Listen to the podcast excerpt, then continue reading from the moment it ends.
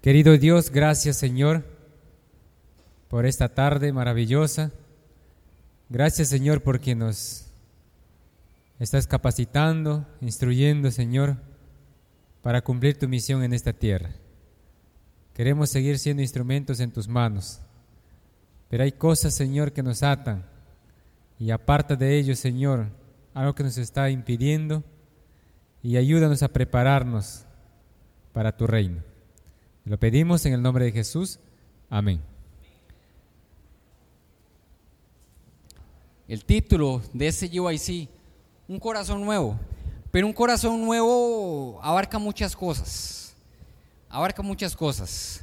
Y en esta noche queremos, quiero compartir con ustedes algo que es sumamente importante para nosotros, para tener un corazón nuevo. Y no simplemente un corazón nuevo, que si bien es cierto, nos va a llevar a la salvación.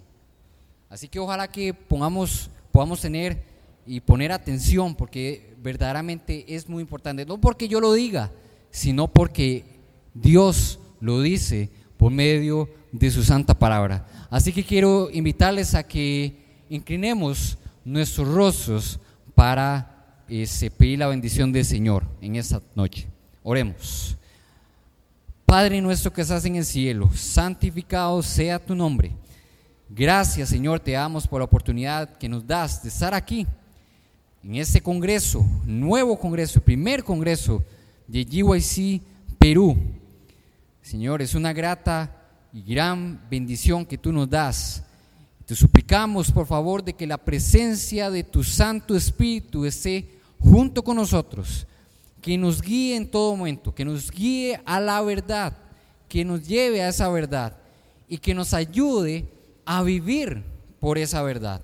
Así que Señor, pongo, Señor, mi vida, mis labios, mi boca en tus manos para que tú digas lo que necesites decir a través de mí.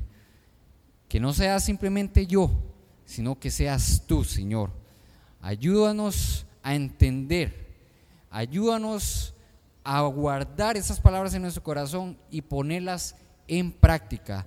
Todo esto te lo pedimos y te lo agradecemos. En el dulce nombre de tu Hijo amado Cristo Jesús. Amén y amén. Quiero que vayamos a 1 Corintios 10.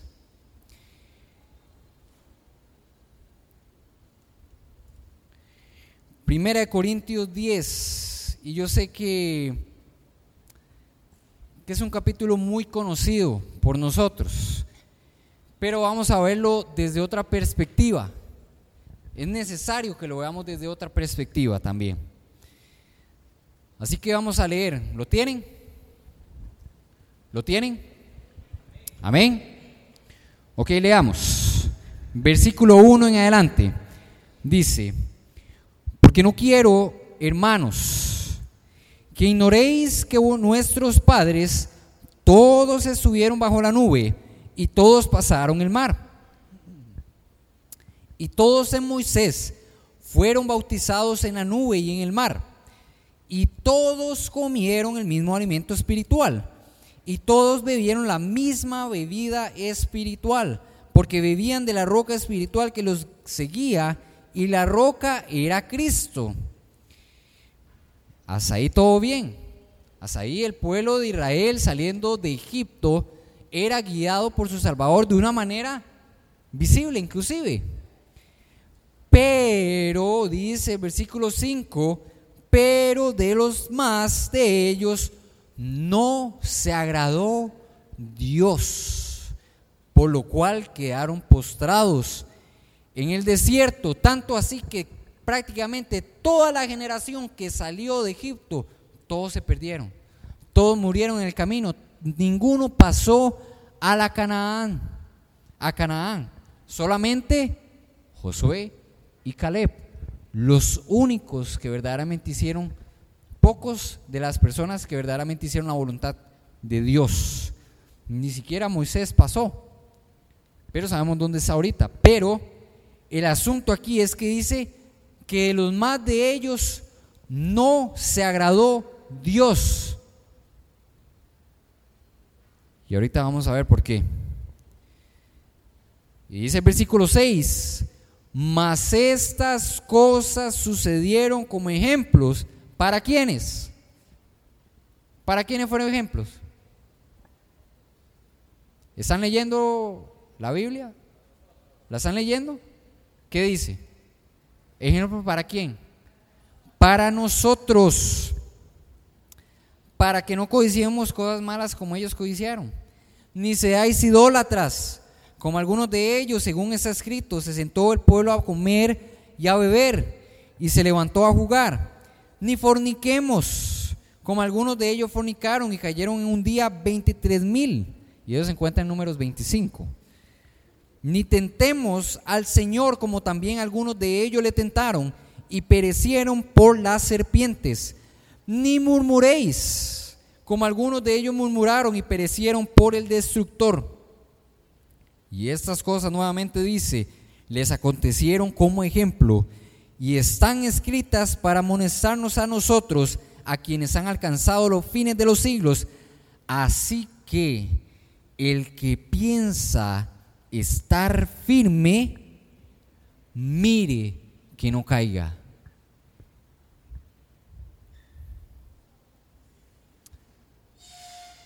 El que piensa decir, ah, yo soy un cristiano, yo hago, yo soy diácono, yo soy diaconisa, yo soy anciano, anciano. Yo hago la voluntad del Señor, estoy en, en los conquistadores, en aventureros, en guías mayores, yo voy a la iglesia los sábados, tanto en la mañana como en la tarde, voy los miércoles, voy los domingos. No tengo nada que preocuparme, estoy en el pueblo del Señor. Mire que no caiga. Mire que no caiga. Vaya, vayamos a Romanos. Romanos 15:4. Romanos 15:4. Y se nos vuelve a decir, acerca de, lo que dice 1 Corintios 10, 12. Dice, ¿lo tienen? Amén. Porque las cosas que, que, que se escribieron antes para nuestra enseñanza se escribieron a fin de que por la paciencia y la consolación de las escrituras tengamos que, ¿qué dice? Esperanza que tengamos esperanza y tal vez pueden haber otros otras Biblias que digan para que tengamos también fe, esperanza. Para eso fueron escritas las cosas que se nos presentan en la palabra de Dios. Para aprender a hacer lo positivo, pero también aprender a no hacer lo que a Dios no le agrada. Quiero que vayamos a Romanos ahí mismo. Vayamos al capítulo 4 y vamos a leer un poco acerca del padre de la fe. ¿Quién fue el padre de la fe? Abraham. Él algunas veces tuvo sus situaciones de no confianza. Se rió de Dios también como lo vemos en, capítulo 18 de Génesis. Tanto que el mismo Señor le tuvo que decir, ¿acaso hay imposible? ¿Acaso hay algo imposible para Dios? Porque tanto Abraham como su esposa Sara se estaban riendo de él. Pero bueno, aquí vemos en el capítulo 4, el versículo 19 en adelante. ¿Lo tienen? Capítulo 4, versículo 19 en adelante dice, y no se debilitó en la fe. Está hablando de Abraham. Dice, y no se debilitó en la fe al considerar su cuerpo, que estaba ya como muerto, siendo de casi 100 años, o la esterilidad de la matriz de Sara. Tampoco dudó por incredulidad de la promesa de Dios, sino que se fortaleció en fe a pesar de sus situaciones, él decidió creer a Dios. Y dice que dio gloria a Dios, plenamente convencido de que era también poderoso para hacer todo lo que había prometido. Por lo cual también su fe, y quiero que notemos esto, su fe le fue contada por justicia. Y no solamente con respecto a él se escribió que le fue contada. Dice que sino también con respecto a quienes. ¿Con respecto a quienes? A nosotros también. O sea, primero eh, los llevé a leer que las cosas que lo que hizo Israel mal fueron escritas como ejemplo para nosotros, para que no caigamos, para que no hagamos lo que ellos hicieron. Luego, lo que se ha escrito, tanto positivo como negativo, tenemos que aprenderlo para hacerlo positivo y no hacerlo negativo. Pero aquí se nos presenta que Abraham tuvo fe y la justicia le fue contada por fe, al igual a la cual va a ser contada también a nosotros, sino también con respecto a nosotros, a quienes ha de ser contada esa fe. Esto es, a los que creemos en el que levantó de los muertos a Jesús, Señor nuestro, el cual fue entregado por nuestras transgresiones y resucitado para nuestra justificación. La fe. ¿Qué es la fe? Hebreos 11. Hebreos 11. Es pues la fe, la certeza de lo que se espera, la convicción de lo que no se ve.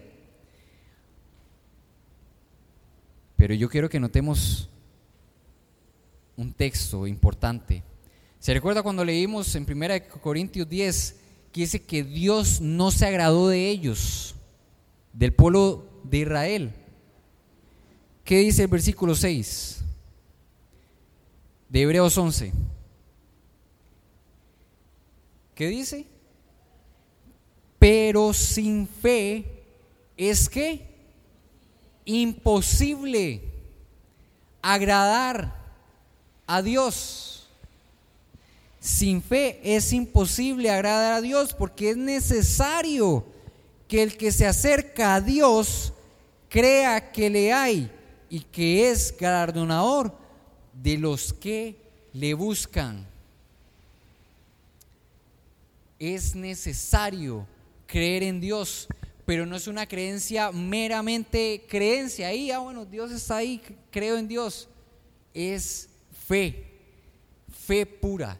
Y yo quiero llevarlos algunos, algunas historias bíblicas para que veamos la fe puesta en práctica en algunos personajes bíblicos. ¿Cuál es la fe que no debemos tener? O la creencia donde no nos tenemos que quedar y la fe que verdaderamente deberíamos tener. Vayamos a Mateo 17. Mateo 17.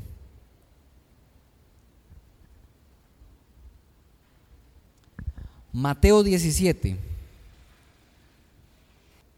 Mateo 17, versículo 14 en adelante. Y aquí se nos está hablando acerca de una situación que Jesús y los discípulos tuvieron después de, del monte de la transfiguración. Venía Pedro, Juan, Santiago bajando con Cristo Jesús después de lo que pasó en ese en, la transfiguración.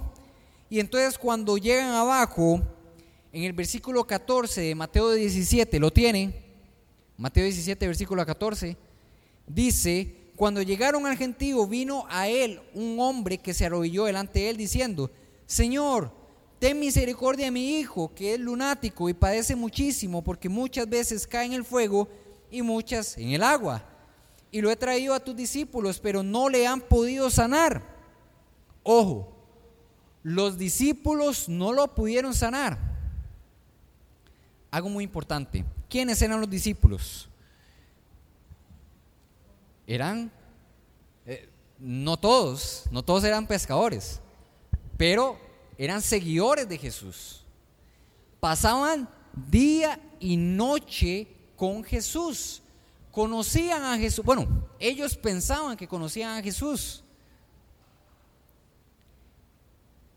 y no pudieron sacar a, no pudieron sanar a este joven. Día y noche con su Salvador, con su Señor, y no lo pudieron sanar. Y viene y responde Jesús en el versículo 17, dice, oh generación incrédula y perversa, ¿hasta cuándo he de estar con vosotros? ¿Hasta cuándo os de, de soportar? Traédmelo acá. Y reprendió Jesús al demonio, el cual salió del muchacho y éste quedó sano desde aquella hora. Viniendo entonces los discípulos a Jesús, aparte dijeron, ¿por qué nosotros no pudimos echarlo fuera? Pero vamos a, dejarlo ahí.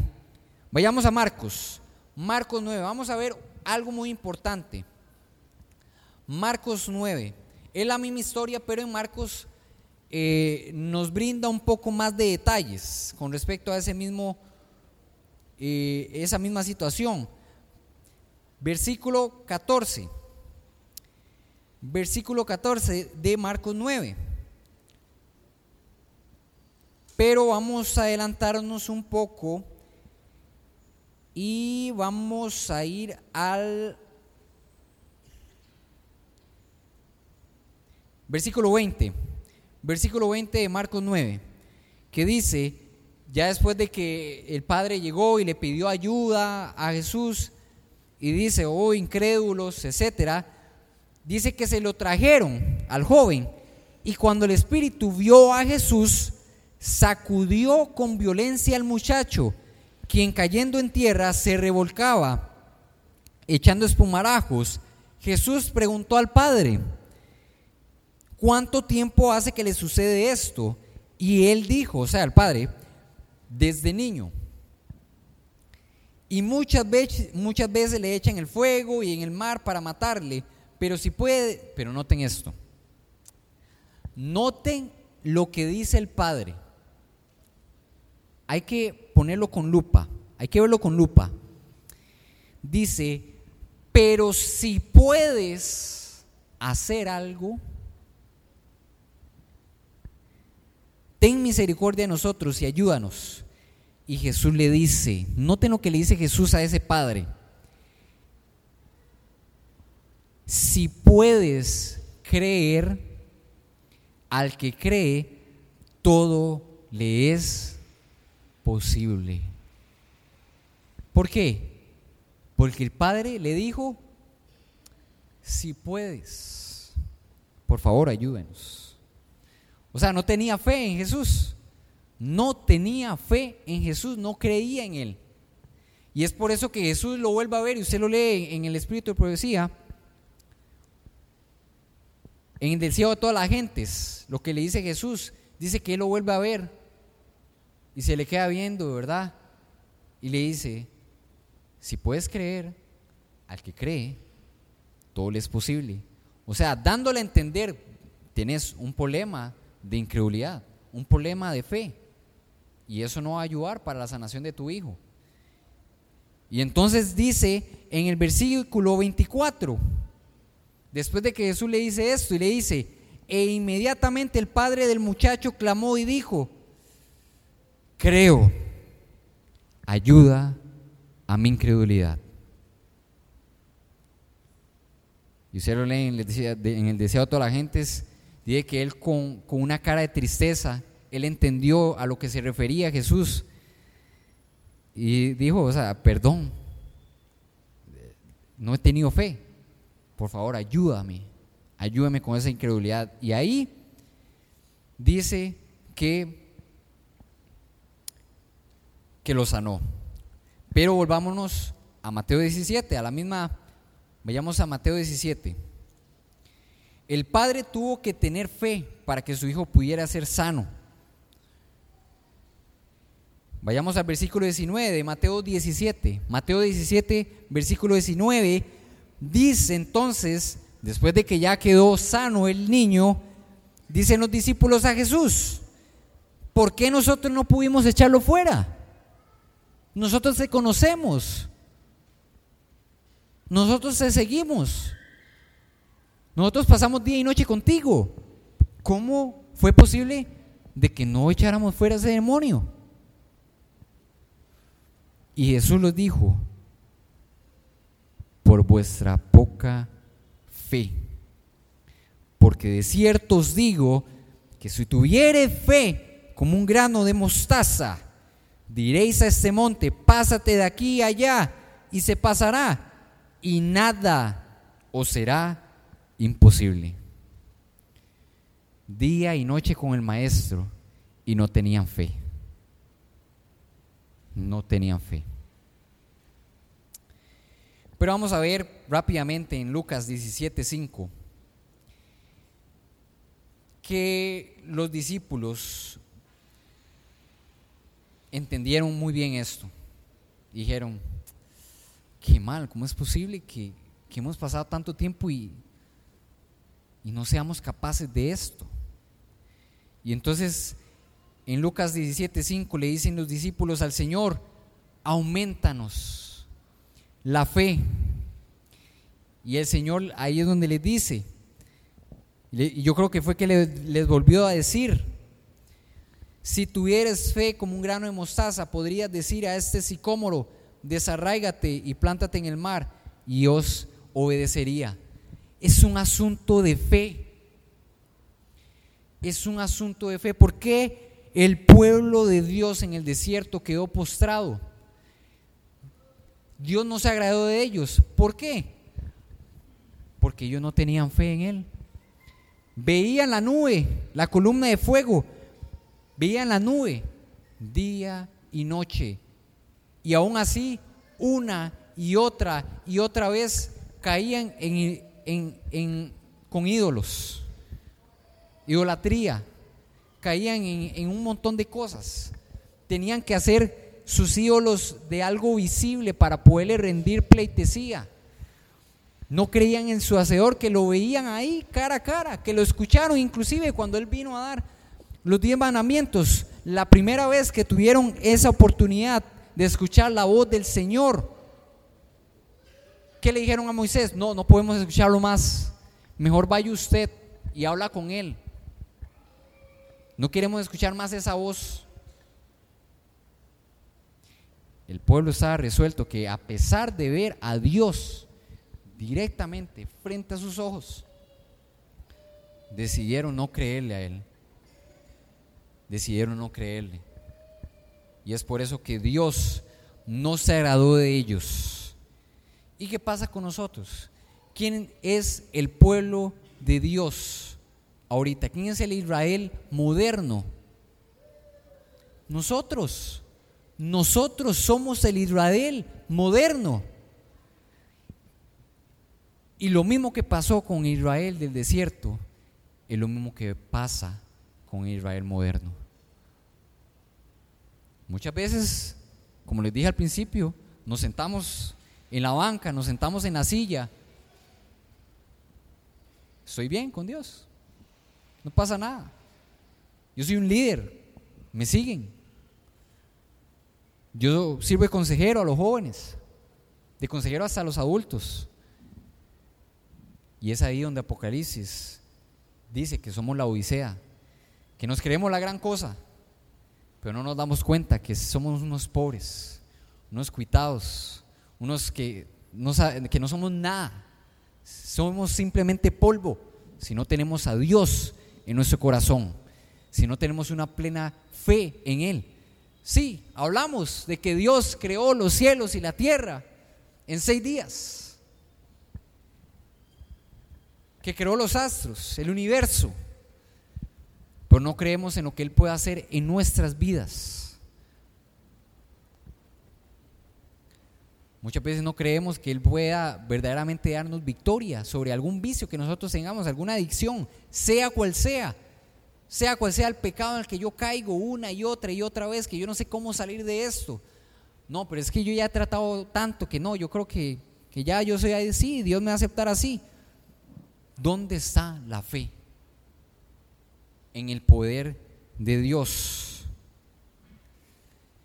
Quiero que vayamos a Mateo 8. Vayamos a Mateo 8. Y vamos a ver esta, este relato. Es un hermoso relato que todavía me impacta me impacta. Versículo 5 en adelante de Mateo 8. ¿Lo tienen? Amén. Mateo 8, el versículo 5 en adelante, dice que Jesús estaba entrando a Capernaum y vino a él un centurión. ¿Quién era, quién, era ese centurión? Era un soldado, era judío. Era judío. ¿Era qué? Romano. O sea, ¿qué significa eso? No era el pueblo de Dios. No era el pueblo de Dios. Y dice que llega a ser centurión a donde Jesús, rogándole y diciéndole, Señor, mi criado está postrado en casa, paralítico, gravemente atormentado. Y Jesús le dijo, yo iré y le sanaré. Respondió el centurión y, y le dijo, Señor, no soy digno de que entres bajo mi techo. Solamente di la palabra y mi criado sanará. Ese centurión nunca en su vida había visto a Jesús. Había escuchado a Jesús, de Jesús. Inclusive en otro en otro libro de los evangelios hace una ampliación de ese relato y, dice que los ancianos llegaron ante Jesús dándole el recado del centurión y dice, vaya y mejor vaya, mejor vaya y sane a, ese siervo porque, porque ese centurión ha hecho muchos favores al pueblo judío, inclusive nos construyó una sinagoga y todo. Pero viene ese centurión con solamente lo que había escuchado de Jesús. Y dice, ¿será cierto? Puede ser cierto lo que yo escucho, lo que llega a mis oídos de que este Jesús probablemente pueda hacer un milagro en este siervo que tanto amo, que tanto aprecio. Y entonces le dice, solamente di la palabra y mi criado sanará porque también yo soy hombre bajo autoridad y tengo bajo mis órdenes soldados y digo a este, ve y va, y al otro, ven y viene, y a mi siervo, haz esto, y lo hace. Él tenía plena seguridad que Jesús era el comandante universal, y lo que él decía era y es hecho. Sí. Y entonces al oírlo Jesús, ¿qué pasó con él?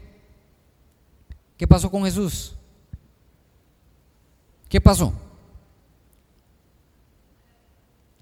Se maravilló Jesús y dijo a los que le seguían, de cierto os digo que ni aún en Israel, ni aún en el mismo, ni aún en mi mismo pueblo, he hallado tanta fe.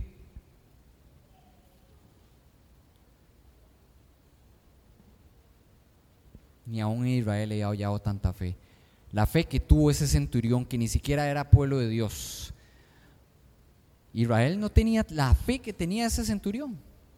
Y vemos otros relatos bíblicos como la mujer que tenía el flujo de sangre. Si tan solo tocar el manto. Cuando ella tocó ese manto, ¿qué le dijo Jesús? Tu fe te ha sanado. Fe.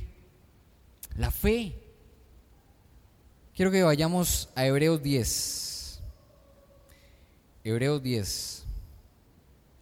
Hebreos 10 y vamos a leer del versículo 19 en adelante. Hebreos 10, 19 en adelante. Dice, así que hermanos, teniendo libertad para entrar en el lugar santísimo por la sangre de Jesucristo, por el camino nuevo y vivo que Él nos abrió a través del velo, esto es, de su carne. Y teniendo un gran sumo, un gran sacerdote sobre la casa de Dios, dice, acerquémonos con corazón sincero, en plena certidumbre de qué? ¿De qué? De fe. Nos pide una plena... ¿Qué es la certidumbre? ¿Qué es, un, qué es algo pleno? ¿Y qué es certidumbre? Una seguridad es 100% seguro. Tengo la seguridad, la certeza, como dice Hebreos 11:10, la fe es la certeza de lo que se espera, la convicción de lo que no se ve. Entonces aquí dice que tenemos que, que acercarnos a Jesús, que es nuestro sacerdote en el cielo, con plena certidumbre de fe. O sea, una fe 100%, no una fe 99.99%. Es una fe al 100%.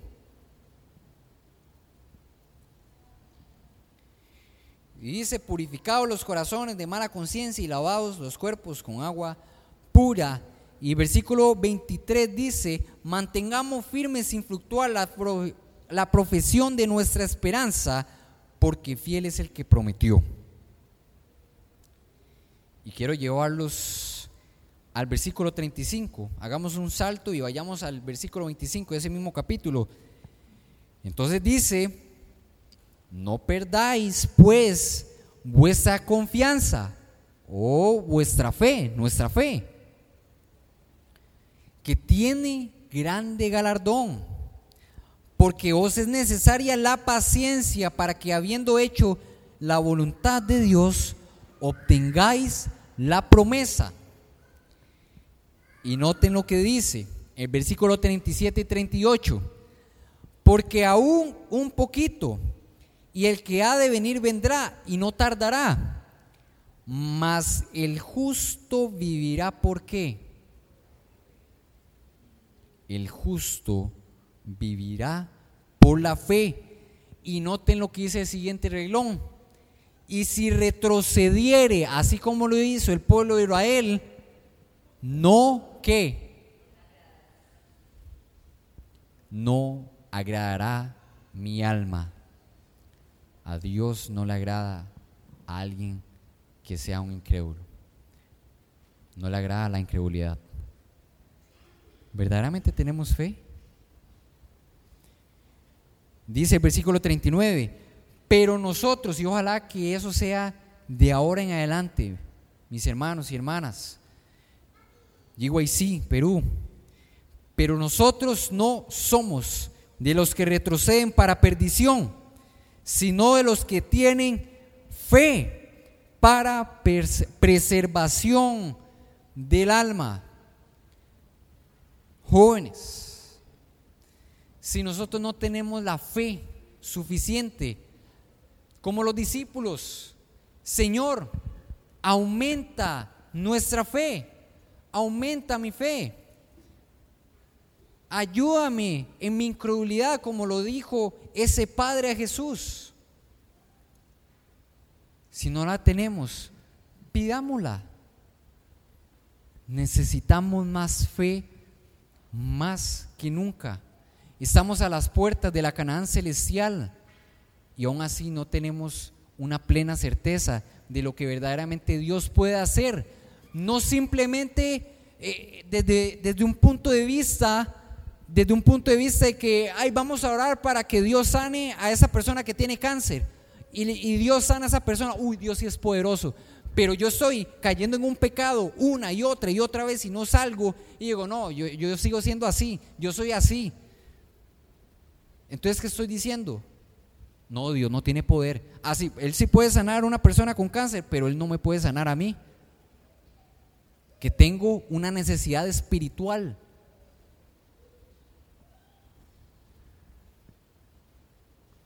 Que Dios verdaderamente puede limpiar mi corazón. Y que Él verdaderamente puede crear un corazón nuevo. No tenemos fe para eso. Tenemos que pedirle mucho a Dios que aumente nuestra fe, porque Él está más próximo a venir. Y dice que el justo vivirá por la fe. Muchas veces pasamos mucho tiempo hablando de que, ay, bueno, sí, la ley dominical, claro, va a pasar. La ley dominical, ¿qué vamos a hacer en, en las montañas? ¿Cómo vamos a hacer en la persecución? ¿Cómo vamos a hacer aquí? ¿Cómo vamos a hacer allá? Y nos enfocamos en eso. Pero se nos va de la mente lo que dice la palabra de Dios, lo que dice tal vez también el, el conflicto de los siglos, por ejemplo, de que vamos a ser alimentados hasta por los ángeles. Y nos preocupamos por lo que va a pasar al final. Uy, ¿qué voy a hacer? Tengo que hacer aquí, tengo que aprender a hacer esto, hay que aprender a hacer lo otro. Vean, podemos saber hacer todo eso, pero si no tenemos fe, vamos a quedar postrados en el desierto de este mundo, igual que el pueblo de Israel cuando salió de Egipto. Cuando estaba a las orillas del, del Jordán, próximo a cruzar a la Canaán, quedaron postrados. Podemos quedar postrados igual que ellos. Si verdaderamente no creemos en nuestro Señor, en nuestro Salvador, en su poder. Vayamos a Romanos 13. Romanos 13.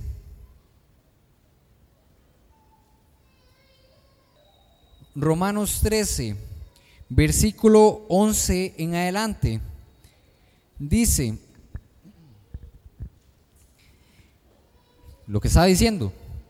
Y esto, conociendo el tiempo, está diciendo Pablo, que es ya hora de levantarnos del sueño, porque ahora está más cerca de nosotros nuestra salvación que cuando creímos.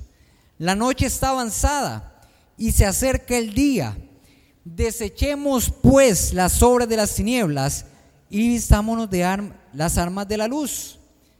Andemos como de día, honestamente, no en glotonerías ni borracheras, no en lujurias o lascivias, no en contiendas y envidias, sino vestidos del Señor Jesucristo y no proveáis para los deseos de la carne.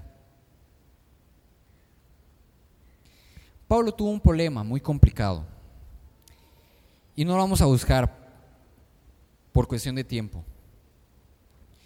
Él tuvo que aprender también esa lección de fe. En Romanos 7, del versículo 15 en adelante, él dice que lo que yo quiero, eso es lo que hago, lo que, lo que yo quiero, eso es lo que no hago, y lo que no hago, eso es lo que yo quiero. Y, tenía ese conflicto en él. Y él quería hacer las cosas buenas, pero no las hacía. Y dice que el pecado que mora en mí es, es el que hace estas cosas. ¿Qué hago? ¿Cómo salgo de esto? Pero cuando buscamos y leemos Gálatas 2.20, él entendió, con Cristo estoy juntamente crucificado. Y ya no vivo yo, mas Cristo vive en mí. Y ahora lo que vivo en la carne, lo vivo por aquel que se entregó y que murió por mí, por Cristo Jesús. Él entendió el llamado que cada uno de nosotros se nos hace. Como dice Apocalipsis 3:20, en el mismo mensaje de la Odisea. Muchas veces aplicamos ese, ese texto a las, a las visitas, cuando llegan las campañas. Mis hermanos, eh, las visitas, eh, eh, el Señor está a las puertas y llama. Ese mensaje es para el pueblo de Dios, para los que creen que lo tienen todo dice, yo estoy a la puerta y llamo. Si alguno oye mi voz y abre la puerta, entraré a él y cenaré con él y él conmigo. ¿Qué hizo Pablo en Gálatas 20? Con Cristo estoy juntamente crucificado, ya no vivo yo, Cristo es el que vive en mí. Pablo permitió que Cristo entrara en su corazón. Pablo abrió esa puerta que Dios nos invita a abrir en el mensaje de la Odisea. Pero nosotros no podemos abrir esa puerta sin fe.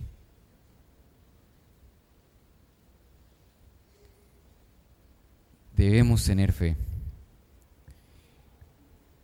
Y Dios es sumamente poderoso. Yo quiero que vayamos, no quiero quiero compartir con ustedes unas citas Porque la fe es más allá de lo que nosotros veamos, los milagros que nosotros podamos ver con nuestros ojos, sino, como les venía diciendo, el milagro que puede hacer Cristo en mí. ¿Qué puede hacer en mí, en mi vida espiritual? Dice en la ubicación cristiana, página 201, la obra de vencer el mal debe ser hecha por la fe. Los que salgan al campo de batalla encontrarán que deben revestirse de toda la armadura de Dios. El escudo de la fe será su defensa y los habilitará a ser más que vencedores. Ninguna otra cosa tendrá valor sino la fe en Jehová de los ejércitos y la obediencia a sus órdenes. Los vastos ejércitos pertrechados con todas las otras cosas no tendrán valor alguno en el último gran conflicto. Sin fe, una hueste angélica no podría ayudar. Solamente la fe viva los hará invencibles la fe viva nos hará invencibles y los habilitará para subsistir en el día malo, manteniéndose firmes, inconmovibles y conservando firme hasta el fin el comienzo de su confianza. Camino a Cristo, página 66 de 60 dice, en vez de eximir al hombre de la obediencia, la fe y solo ella nos hace participantes de la gracia de Cristo y nos capacita para obedecer. Mensajes para los jóvenes, página 71. La fe debe morar en el seguidor de Cristo, porque sin esto es imposible agradar a Dios. La fe es la mano que se hace de la ayuda infinita. Es el medio por el cual el corazón renovado, es el medio por el cual el corazón renovado, el corazón nuevo, late al unísono o al mismo tiempo con el corazón de Cristo por medio de la fe. Y quiero compartir esta última cita que se encuentra en Mensajes Selectos, tomo 3, página 411. Y es una cita que todavía me impacta, que dice, el que no tiene fe, el que no tiene suficiente fe en Cristo, noten, el que no tiene suficiente fe en Cristo para creer que Él puede guardarlo del pecado, no tiene la fe que le hará entrada en el reino de Dios. ¿Escucharon bien? El que no tiene suficiente fe en Cristo para creer que Él puede guardarlo del pecado, no tiene la fe que le hará entrada en el reino de Dios. Es un asunto de fe. Tenemos una creencia como la que dice Santiago 2.19, que dice Santiago, ¿crees en Dios? Pues bien, haces. Hasta los demonios creen y tiemblan. Es una clase de fe barata, que muchas veces nosotros caemos en eso. Pero como les decía, pidámosle mucho a Dios para que Él nos llene de la fe necesaria que lo que necesitamos para esos momentos difíciles que, nos agobian día a día, pero también que nos van a, a dar una victoria diaria, pero también que nos dará una victoria cuando Cristo esté próximo a venir a libertarnos. Último versículo, primera de Juan 5:4. Primera de Juan 5.4. Primera de Juan 5.4 dice,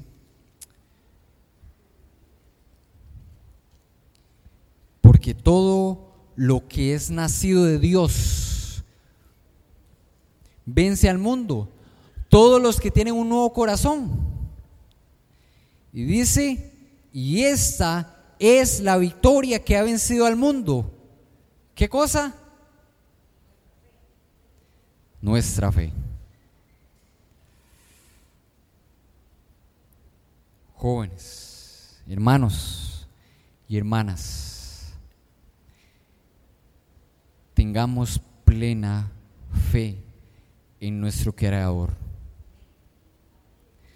Si usted ha venido en ese momento, si ha tenido sus dudas, que a veces usted, ha pensado en algún momento difícil, pero Señor, ¿dónde estás? ¿Dónde estás? Te necesito en esos momentos, no te veo. Él está ahí.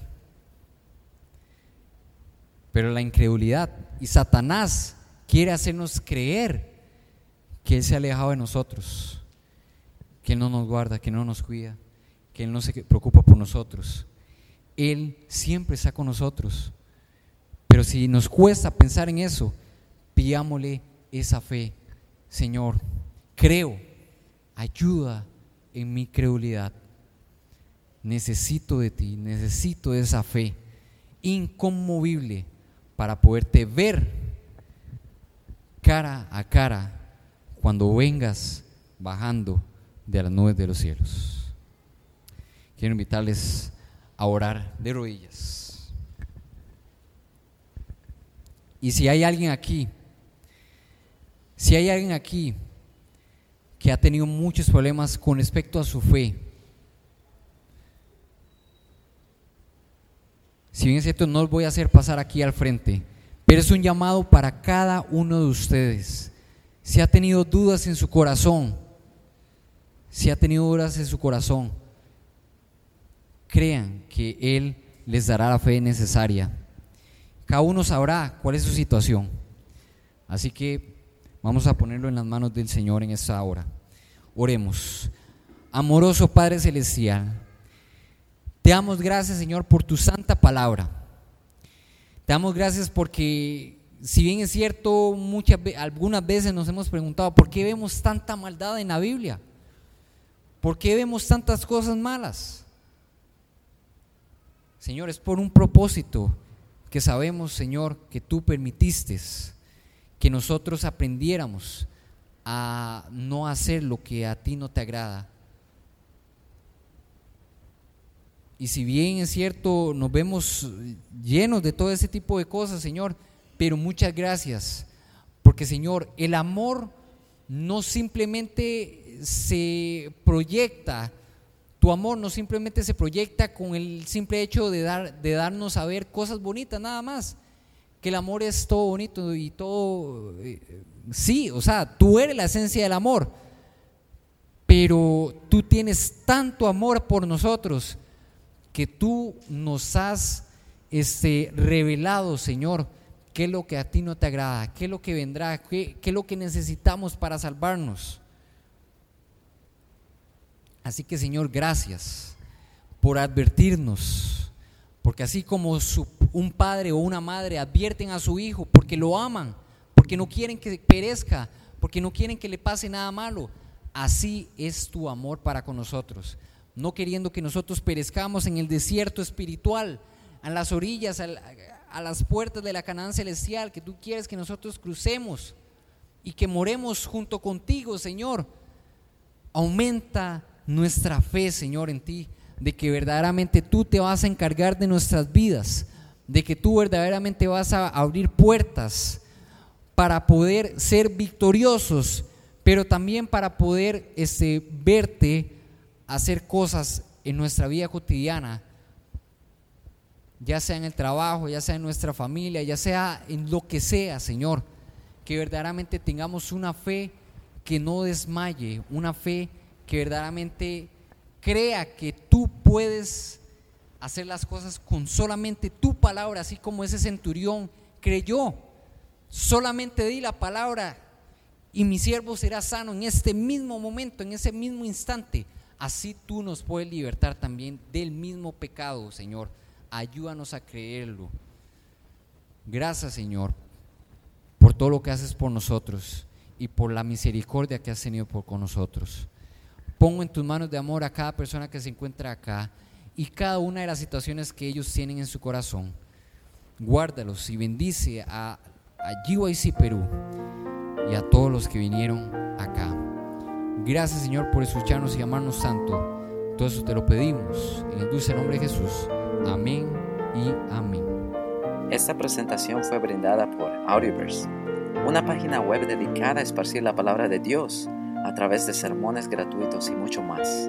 Si quisiera saber más de Audioverse o si le gustaría escuchar más sermones, por favor visite www.audioverse.org.